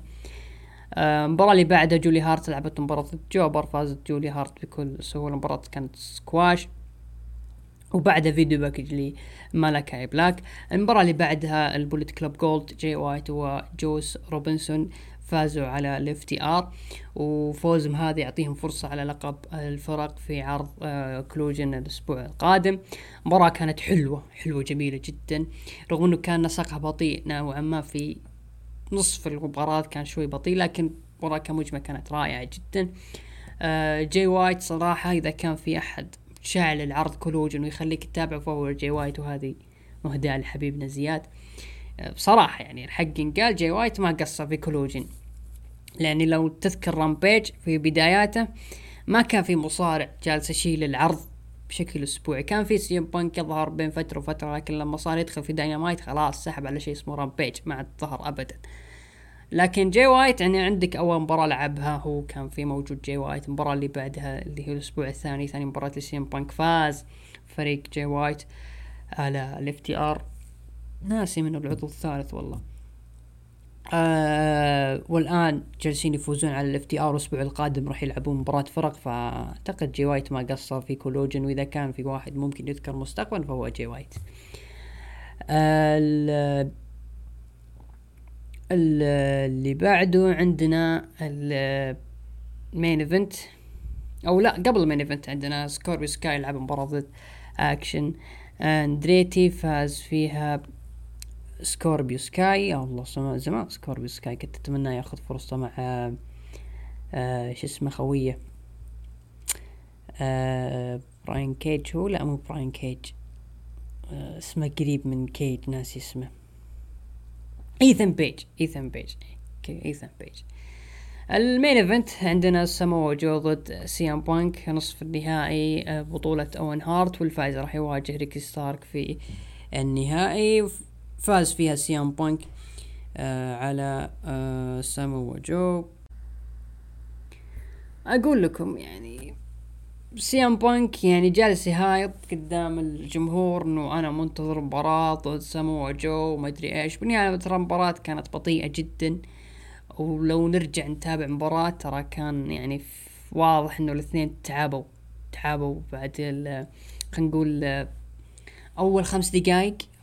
من المباراة يعني واضح إنه الاثنين تعبوا ونهد حيلهم بشكل كبير. لكن آه، نهايتها طبعا آه سمو جو سوى ال- ال- ال finish حقه على بانك بسبب إنه فاز بشكل سريع. وظهر آه ريكي ستارك وصار بينه وبين بانك face to face. كان هذا Collision. نروح لتقييم المستمعين. أعطوا ل Collision من تسعة إلى عشرة تسعة وعشرين في المية من خمسة إلى ثمانية خمسة وثلاثين في المية وأقل من خمسة أعطوه ستة وثلاثين في المية. أنا أشوف والله Collision جيد صراحة كان حلو هذا الأسبوع بالذات مباراة الفرق حقت ال FTR وجي وايت. أما مباراة سيام بانك وسما وجو فهذه بلها واشرب مويتها ما كانت أبدا حلوة. آه كان هذا عرض Collision أنا أشوف زي ما قلت أعطيه ستة ونص إلى سبعة من عشرة. عرض ال Raw افتتح بفين بالر آه وتكلم انه ما حل مشاكله مع سيث رولنز وذلك بسبب ديمين بريست. بعدها دخلوا ريا ريبلي ودومينيك ميستيريو وقالت انه مو بهنا المكان المناسب ان نتناقش عنها. بعدها دخلت آه ريا وأخذت المايك من فن وطلع فن من الحلبة وقال للجمهور شفتوه من هو؟ ماسك شؤون The Judgment Day بعدها دخل سيث رولنز مع الصحن أجنحة بفالو وقال إنه ما حد يبي يسمع صوتك دوم وتوعد ريا إنه بيصفق دوم. طبعا معروف عرض ال Raw هذا الأسبوع عمر كم برعاية ال Judgment Day ما هو برعاية أي أحد يعني. عرض ال Judgment Day. فإذا عندك تعليق على ال segment الأول. آه دقيقة نسيت أصلا وش صار. خلني أقرأ التقرير. آه قلت لك تو آه افتتح افتتح فين بالر وجالس يتكلم عن وضعه مع ال Judgment Day وإنه السبب اللي ما خلاه ينتزع اللقب كان هو ديمين بريست كان مشتت ودخلت ريا ريبلي ومع دومينيك وجالس تقول إنه مو هذا المكان المناسب اللي نتكلم فيه وما أدري إيش وإحنا العصابة و... وإلى آخره وبعدين يوم جاء إيه. فين بيتكلم سكت المايك ونزلته وجالس تتكلم بينه يعني تحت. خلف الكواليس تقدر تقول ما سمعنا إيش قالوا بعدين طلع فين بالر ودخل سيث رولنز جالس يترقص ومع صحن دجاج جالس ياكله. لا بصراحة منظر منظر مو بحلو صراحة لسيث إنه بهذا الشكل مهما كانت الشخصية المفروض ما إيه. بصراحة. زعلني لا حتى بعد حتى ال segment أصلا بشكل عام حركة حركة إنه ياخذ دجاج ويقطه زي كذا كان غير موفق ابدا. ابدا يعني ما هو يعني هذه تسويها لو كنت لحالك. مو مثلا تحمل لقب الوزن الثقيل لا وتقول ل WWE إنه أنت أفضل من حمل هذا اللقب يعني. وأنت واجهة عرض Raw لكن هذه مشكلة الكتاب مع سيث رولنز أحس إنه في استقصاد ضد سيث رولنز آه مباراة درو ماكنتاير ومات ريدل ضد ال Imperium فازوا فيها درو ماكنتاير ومات ريدل. وبعد المباراة شفنا آه جنثر أو وولتر جالس يهاوش جيوفاني بينشي وطلع. رأيك عن المباراة؟ آه كان حلو.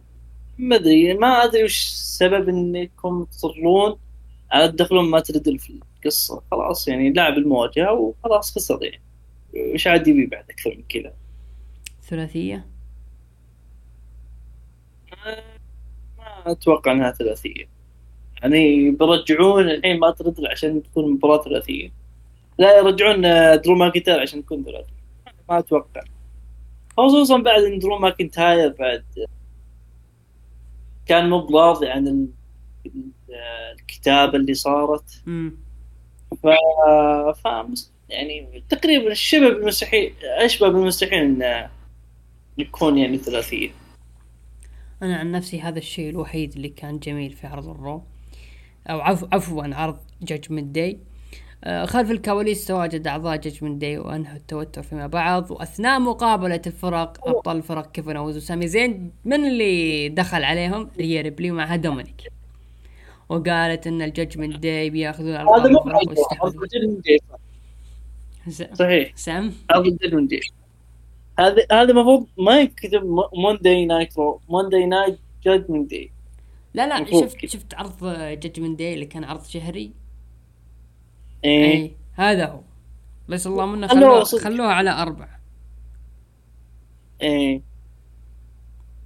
ف مرة ما عجبني الوضع. أحس إنه آه كيفن أوز وسامي زين بيدخلون مع ال Judgment Day كأنهم أيام ال Bloodline عموما آه دخل أثناء دخول سيث للحلبة. طبعا كانت بتصير مباراة بين سيث رولنز ودومينيك. طبعا دخل دومينيك أول بعدين دخل سيث رولنز آه ولكن فجأة هاجموه ال Judgment Day واثناء الهجوم. جاو كيفن اونز وسامي زين وساعدوا سيث رولنز آه ريكوشي دخل. وتكلم كمين.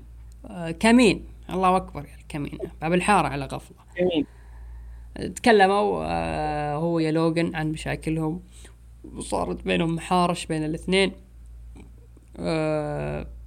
طبعا شفنا بعد لما كان لوجن جالس يهايط. آه شفنا ريكوشي لما رجع لل سوى حركته يمكن مع NXT مع Velveteen Dream فال Velveteen Dream. تذكرها؟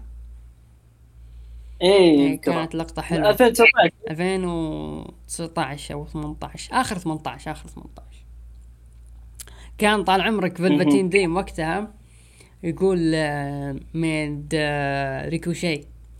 زين؟ يقول أنت يعني كل الأشياء اللي تبي اللي تسويها أنت ترى أنا أقدر أسويها. بالله بالعكس أنت مو كل شيء تقدر تسويه فجاري كل شيء وسوى الحركة هذه وقال ما وكان المايك في يد Velveteen وقال سواها فا NXT NXT أيامه جميلة جدا. لا ويجي يقول لك بعض الناس والله عروض AEW كانت حلوة وهذا السبب اللي خلى NXT يروح اليوم الثلاثاء. يا حبيبي عروض NXT وقتها كانت تصفق عروض AEW لكن الفرق في NXT و AEW كانت المشاهدات فقط.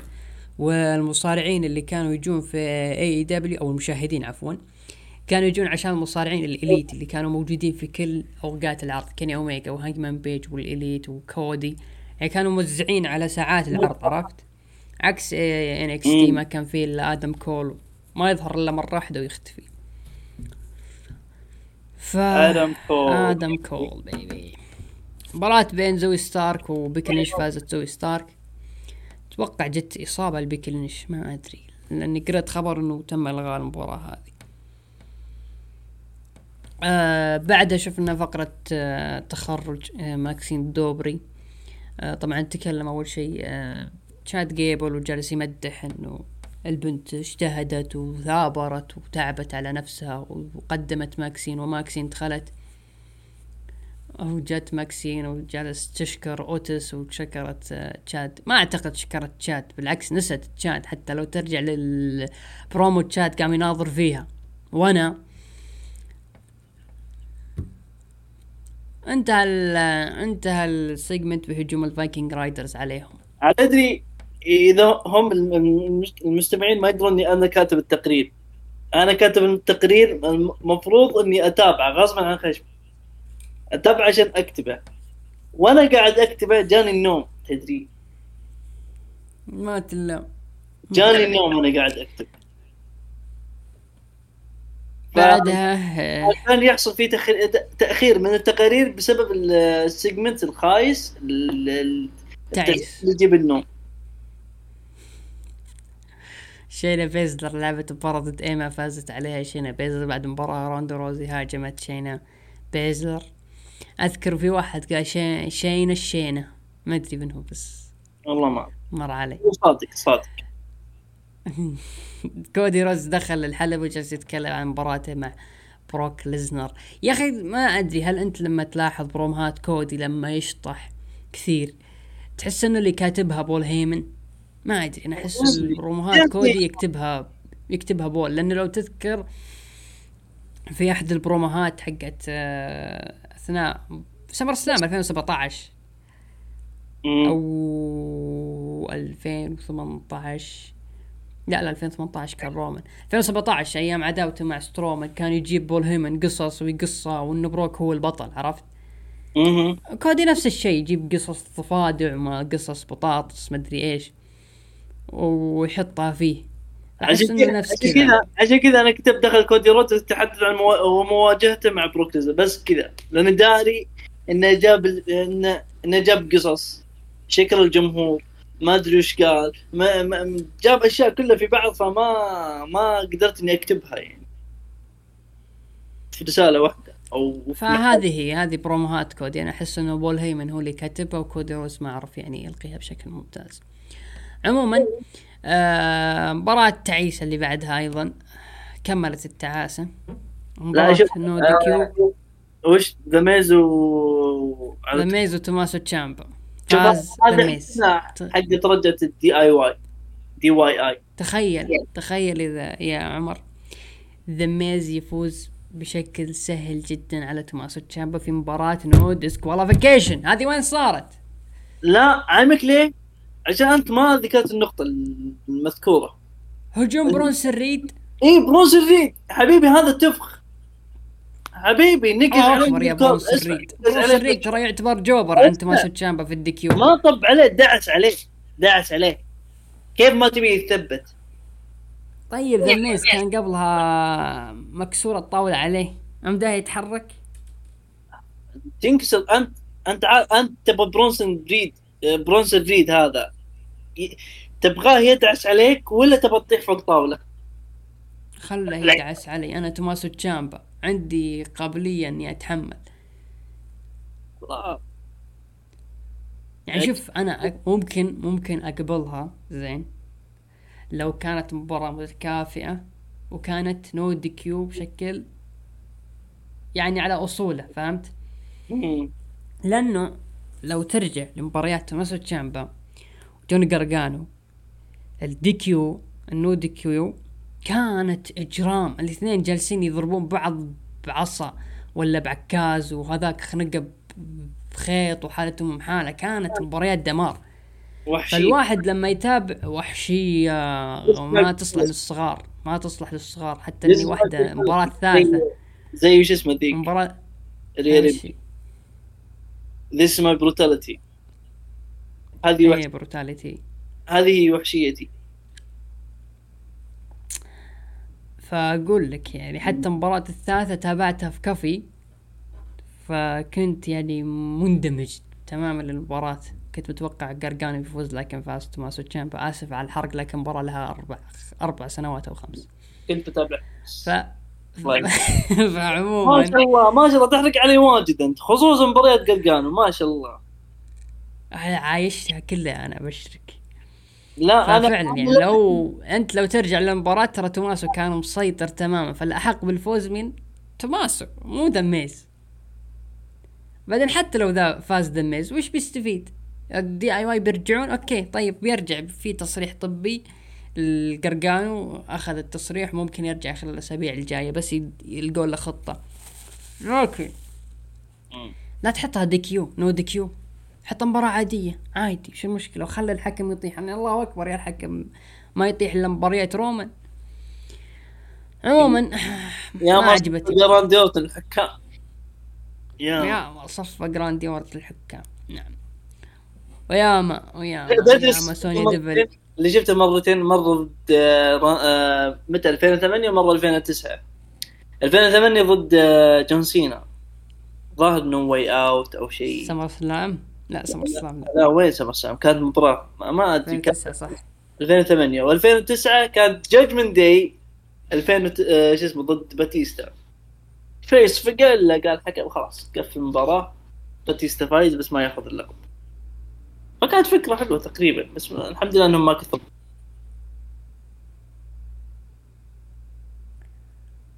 آه جيسي جرين وسونيا ديفيل لعبوا مباراة فازوا فيها على كيدن كارتر وكيتانا تشانس. ال main event ال Judgment Day فازوا على سيث رولز وكيفن اونز وسامي زين. على فكرة تراني عقب دميز وتماسو وسحبت على العرض. ما أدري إيش صار عقبه فإذا عندك تعليق على أحد المباراتين.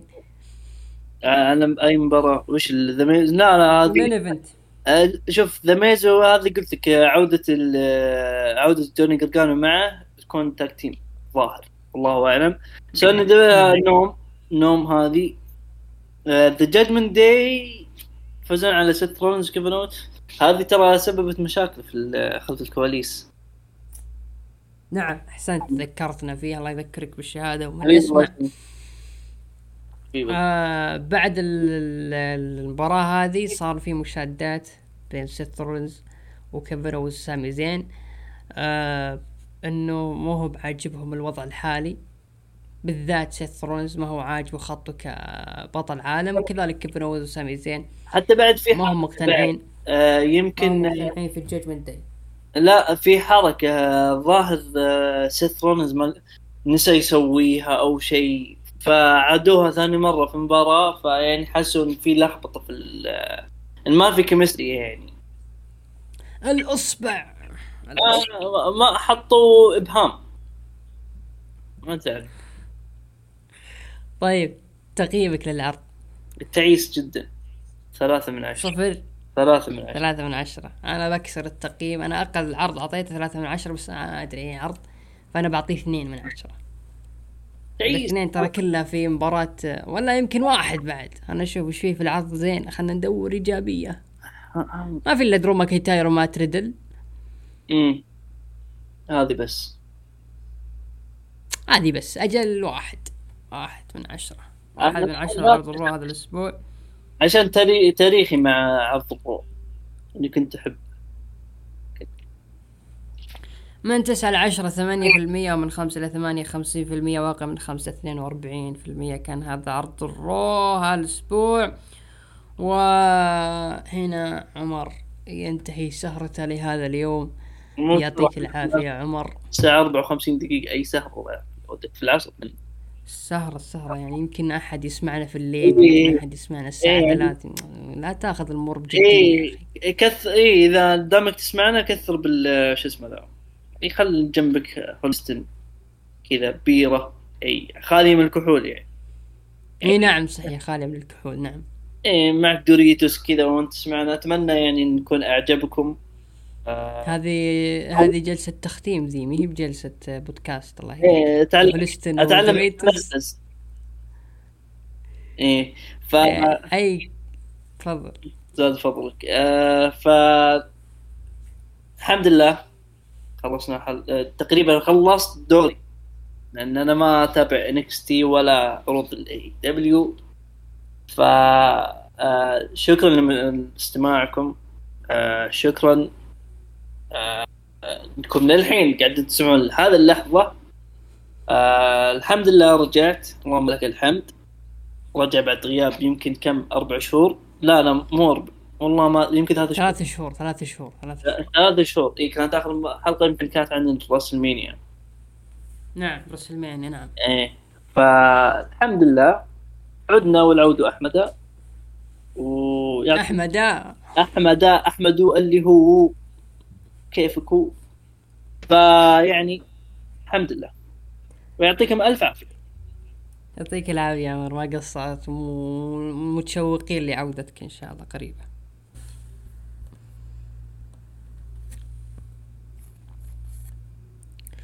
آه نكمل يا شباب مع عرض NXT هالأسبوع اللي افتتحوه ال Judgment Day وهنا رسميا يعني الكتاب في ال WWE أنا بالنسبة لي ما يخافون الله لأنهم أعطوا ثلاث ساعات لل Judgment Day وما كفتهم عشان يعطونهم ساعة إضافية في NXT يعني أربع ساعات عطل. على قولة اخواننا الكويتيين.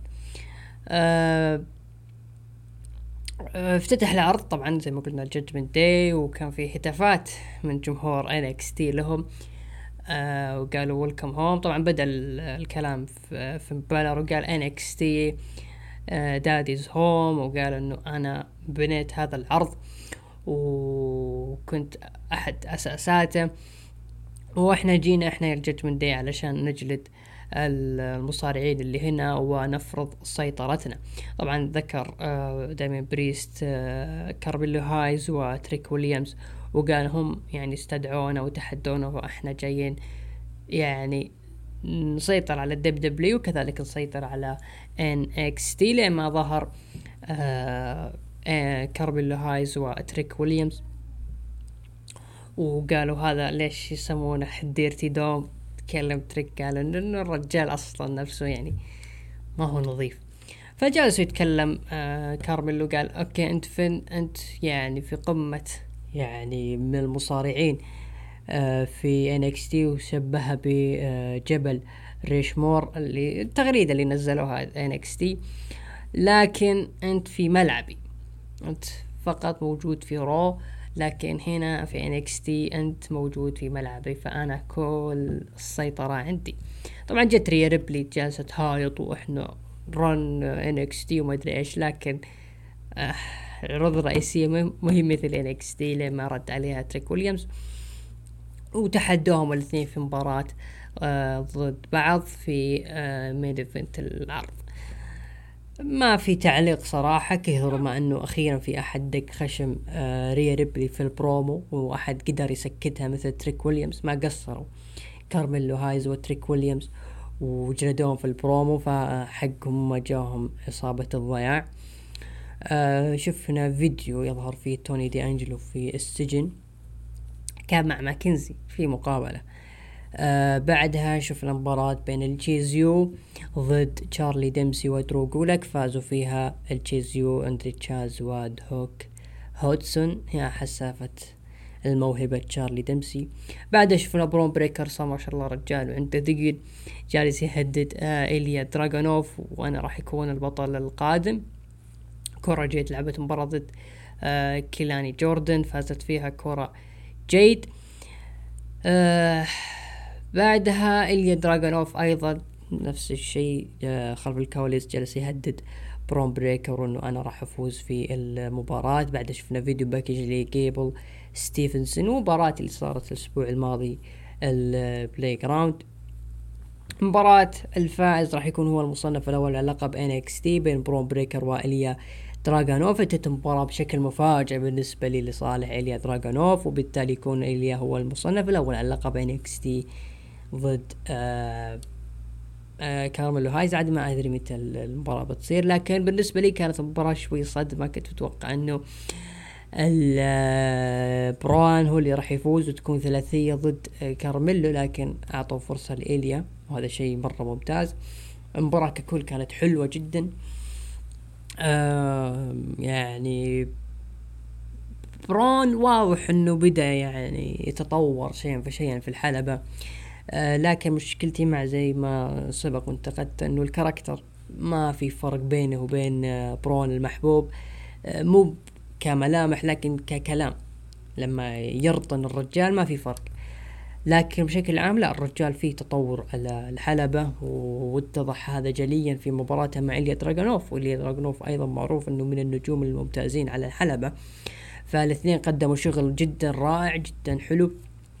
وشيء جميل في NXT هذا الأسبوع وإليا دراغونوف يستاهل هذه الفرصة آه، بكل جدارة واستحقاق. وكان هو يعني رهان إنه هو اللي راح ينهي فترة برون بريكر كون إنه سبق وأنهى فترة جنثر مع لقب ال UK لكن للأسف ما صار هذا الشيء لكن يعني راحت لكارميلو. هذا شيء ما نقدر نقول عليه لا ويسلي بطل آه، نورث آه، شمال أمريكا كان موجود في مقابلة مع ماكنزي لكن قاطعوه آه، دومينيك وريا ريبلي وقالت يعني أنت عندك open challenge المصارع اللي راح يكون اللي يقبل هذا التحدي راح يكون هو دومينيك ميستيريو. والله يعين أعتقد هذه المباراة كنسلوها. أعتقد إنها تكنسلت. المباراة اللي بعدها إيفي نايل ضد تيفاني ستراتن فازت فيها تيفاني ستراتن. شفنا فيديو للمدعو برون بريكر جالس يصيح على الماضي حقه. نفس البرومو اللي صار الأسبوع الماضي. آه بعدها شفنا آه ثيا هيل خلف الكواليس أه تحمسوا معها Chase U دوك هودسون وأندري تشازو قالوا انه راح راح نشجعك علشان تاخذين rematch ضد تيفاني وتحمست هنا ثيا هيل المباراة اللي بعدها مباراة أه جو كوفي ضد تشانينج ستاكس لورينزو. اذا فاز لورينزو راح يطلع توني دي انجلو من السجن حقه وهذا اللي صار فاز لورينزو. وبالتالي راح يعود توني دي انجلو الأسبوع القادم. آه القصة ما أقدر أحكم عليها لأني ما تابعتها بصراحة بشكل كبير فننتظر إن شاء الله عبد الرحمن. الأسبوع الجاي آه، يتكلم عنها. السكسمز كانوا خلف الكواليس مع إيفي نايل وجالسين. يعني هي اتهمتهم إنهم السبب في رحيل الكريد براذرز لكنهم يعني يحاولون يقنعون إنهم تنضم معهم في العصابة. الحدث الرئيسي الججمنت داي ضد كارميلو هايز وتريك ويليامز فازوا الججمنت داي وهنا بالنسبة لي لا تعليق. آه وكانت هذه نهاية عرض NXT روح لتقييم المستمعين أعطوا من تسعة لعشرة أربعة عشر في المية ومن خمسة إلى ثمانية مع أقل من خمسة أعطوا ثلاثة وأربعين في المية. أنا بالنسبة لي أعطيه تقريبا خمسة ونص إلى ستة آه، من عشرة. كان هذا عرض NXT نروح لعرض AEW Dynamite افتتح العرض بمباراة بين كريس جيريكو ضد آه، كوماندر فاز فيها كريس جيريكو وبعد المباراة شفنا دون كالس دخل وجاء للحلبة مع كريس جيريكو جالس يتكلم. دون كالس ترى إحنا يا كريس جيريكو كنا زماله في فريق مع واحد اسمه باد نيوز الن ولي فيديو علشان آه تذكر آه هذه السالفة. عرض الفيديو. أنا توني أدري والله إن دون كالز مصارع كان. وجالس ما شاء الله كريس جالس يتكلم في البرومو هذا وكان موجود دون كالس آه في شبابه وكان عنده شعر طويل. فهذه حلوة من كريس لما تكلم قال okay أنا أذكر هذا الفيديو كان في عام 1995 آه لكن شيء جميل إنه أنا لا زال شعري موجود وطويل لكن أنت يا دون ما شاء الله يعني لامع راسك من الصلعة. ولا زال دون كالس يحاول يقردن في آه، كريس جيريكو انه ينضم له في آه، كالس family. آه بالنسبة لمباراة كريس وكوماندر تقريبا مباراة حلوة. كوماندر ما شاء الله جالس ياخذ over مع AEW بالذات مع مشيته حقة الحبل هذه. اللي كنا حقة السيرك لكن بشكل عام المصارع يعني يخاف منه من البوتشات. آه اللي بعده شفنا آه جنجل بوي كان يسوي مقابلة وكان يحاول يعني يهدد في هوك لكن هوك طلع معه سبحان الله في السيارة بدون ما يحس جنجل بوي لكن انحاش جنجل بوي مباراة تصفيات الفرق عندنا داربي آلن وأورنج كاسي ضد دانيال غارسيا وسامي جيفارا فازوا سامي جيفارا ودانيال غارسيا آه بعدها شفنا دون كاليس صرح في مقابلة مع ريني باكيت إنه هو راح يعلن عن العضو الخامس في ال combat آه، club آه، اللي راح تكون مباراتهم Blood and Guts وكالعادة جالس يطقطق في كيني أوميجا. اللي بعد ال video package الجميل صراحة اللي كان بين إم جي إف وآدم كول وبالنسبة لي أنا أشوف إنه آدم كول و MJF هو أجمل شيء جالس يصير في عالم المصارعة حاليا. MJF وآدم كول مثل ما كان سيث رولنز وإيدج استمتعوا بكل دقيقة في هذه ال ما أدري هي عداوة ولا قصة. نقول ثنائية ثنائية آدم كول و MJF لانها تذكرني بثنائية بيدن وما ترد NXT فاستمتع بهذه الثنائية لأن راح نتحسف عليها بصراحة. أما مباراة داربي آلن واورنج كاسدي يعني أجمل ما فيها خسارة اورنج كاسدي خلاص كفاية اخسر. وما أدري ليش ما في أحد قال إنه تثبت. هل سبق وخسر اورنج كاسدي ما أذكر متى اخر مرة شفته يخسر. طول ما طول عمري أشوفه يفوز. لكن هنا الفرق بين الإعلام ال WWE واعلام AEW لكن إن شاء الله يتعوض بعد آه اول ان video package للمصارع آه نيك وين نيك وين أعتقد اسمه كذا. عمره 18 سنة. وأنا عمري واحد وعشرين. okay. والله صرنا شيبان آه راح يكون ال debut حقه في آه نهاية العرض. آه آدم كول كان في مقابلة وجالس يكلم بريت بيكر طلع على مين رودريك سترونج وجالس ينبهه من MJF إنه لا يعني آه لا تخاوي MJF كثير لأنه هذا الرجال ما تضمنه وما أدري إيش. كو آدم كول قال لا لا بالعكس MJF رجال أجودي وحبيب ودائما معي. وصدقني ترى معزتك راح تكون يعني في القلب ما راح تروح. فحسسني إنه مثل الأخوان يعني إذا يخاون أصحاب السوء نفس الشيء. لكن غيره غيره من رودريك سترونج. ما يلام ثنائية آدم كول و MJF به مثل آدم كول ورودريك آه المباراة اللي بعدها مباراة الفرق التصفيات semi finals آدم كول و MJF ضد بيج بيل وبراين كيج فازوا. آدم كول و MJF بكل سهولة. آه بعدها أعلنوا بشكل رسمي إنه ال team حقهم اسمه Better Than You Bay Bay وأعلنوا التيشيرت. بإذن الله هذا التيشيرت أقدر أشتريه قريب بإذن الله. ليش لا؟ بالعكس MJF وأدم كول في تيشيرت واحد. إيش تبغى أكثر من كذا؟ شيء تاريخي صراحة. جاك هيجر دخل لكريس جيريكو في ال locker room. وكريس أو جيك جل شكره إنه أنت قبل عشر سنين كنت معي وما أدري إيش وجالس يمدحه. بالنهاية وأنت كنت يعني ظهري في مبارياتي في ال MMA لكن هذه المرة أعتقد إنه آه هنا راح نقف وما راح نكمل من جديد. فهذا دليل إنه العصابة ال Society يعني بدت ها آه يختفي بريقها بداية مع جيك هيجر وممكن كريس جيريكو ينضم لدون كالس وبالتالي تنتهي عصابة ال Society اللي تقريبا ما كان في فرق بينه وبين عصابة كريس الأولى اللي اسمها ال Society وهذيك اسمها الله نسيت اسمها لكنها عصابة كريس جيريكو الأولى. آه تصفيات أوين هارت آه نصف النهائي روبي سوهو ضد سكاي أو سكاي بلو فازت فيها روبي سوهو بكل سهولة. آه شفنا بعدها video package اللي عرض Collision اللي راح. آه وأعلنوا أيضا FTR راح يدافعون القاب الفرق ضد جوس روبنسون وجاي وايت وأيضا سي إم بانك راح يواجه ريك ستارك في نهائي تصفيات أوين هارت.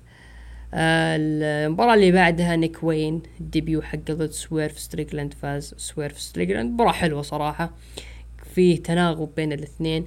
هذا الرجال اللي يقولون إنه عمره 18 آه والله إذا عمره 18 ومستوى كذا آه فالرجال راح يكون له مستقبل باهر إن شاء الله. لكن لا زال الرجل في بدايته ما نبغى يكون مثل آه أكشن أندريتي اللي فاز على كريس جيريكو بشكل نظيف وجلسوا يطبلوا له يطبلوا له بالنهاية اختفى. لكن هذا نيك وين إن شاء الله بيكون له شيء كبير خصوصا إنه عمره 18 فقادر يطلع منه. والراجل والولد عنده كاريزما. يعني تحس مظهره قادر تطلع منه يعني بشكل مكروه حلو صراحة مثل تشارلي ديمسي فأتمنى لو صاروا يعني الاثنين يكونوا مع بعض راح يكون حلوة.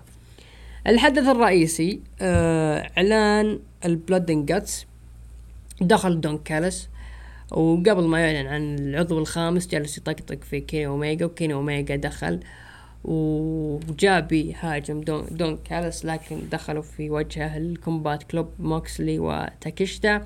لما من بعيد العائد باك يجلد. كيني اوميجا بالكرسي وهذه عودة باك. حسبناها أنا ويا عمر. تو آخر ظهور له كان في سبتمبر 22 عموما جلسوا يضربون في كيني اوميجا ويجلدونه ويجلدونه ويجلدونه.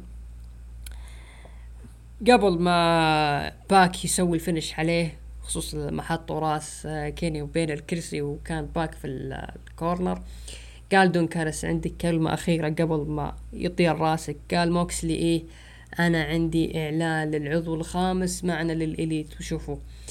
طبعا في الشاشة طلع مقطع إنه عن العضو الخامس ومدري اين طلع مين طلع كوتا إيبوشي راح يكون مع ال Elite. آه ضد ال Blackpool Combat Club و ظهروا ال Elite من خلف ال Combat Club وجلدوا آه ال Combat Club وبالتالي ال Blood Guts راح تكون اكتمل أطرافها بعد ما كان قبل كم أسبوع يقولون كيف Blood Guts وما في خمسة أشخاص. شوفوا أنا بالنسبة لي عودة باك الرجل له خمسة شهور تقريبا أو أكثر يعني من سبتمبر عشر شهور ما ظهر. وآخر ظهور له كان مع ال Elite أو ضد ال Elite.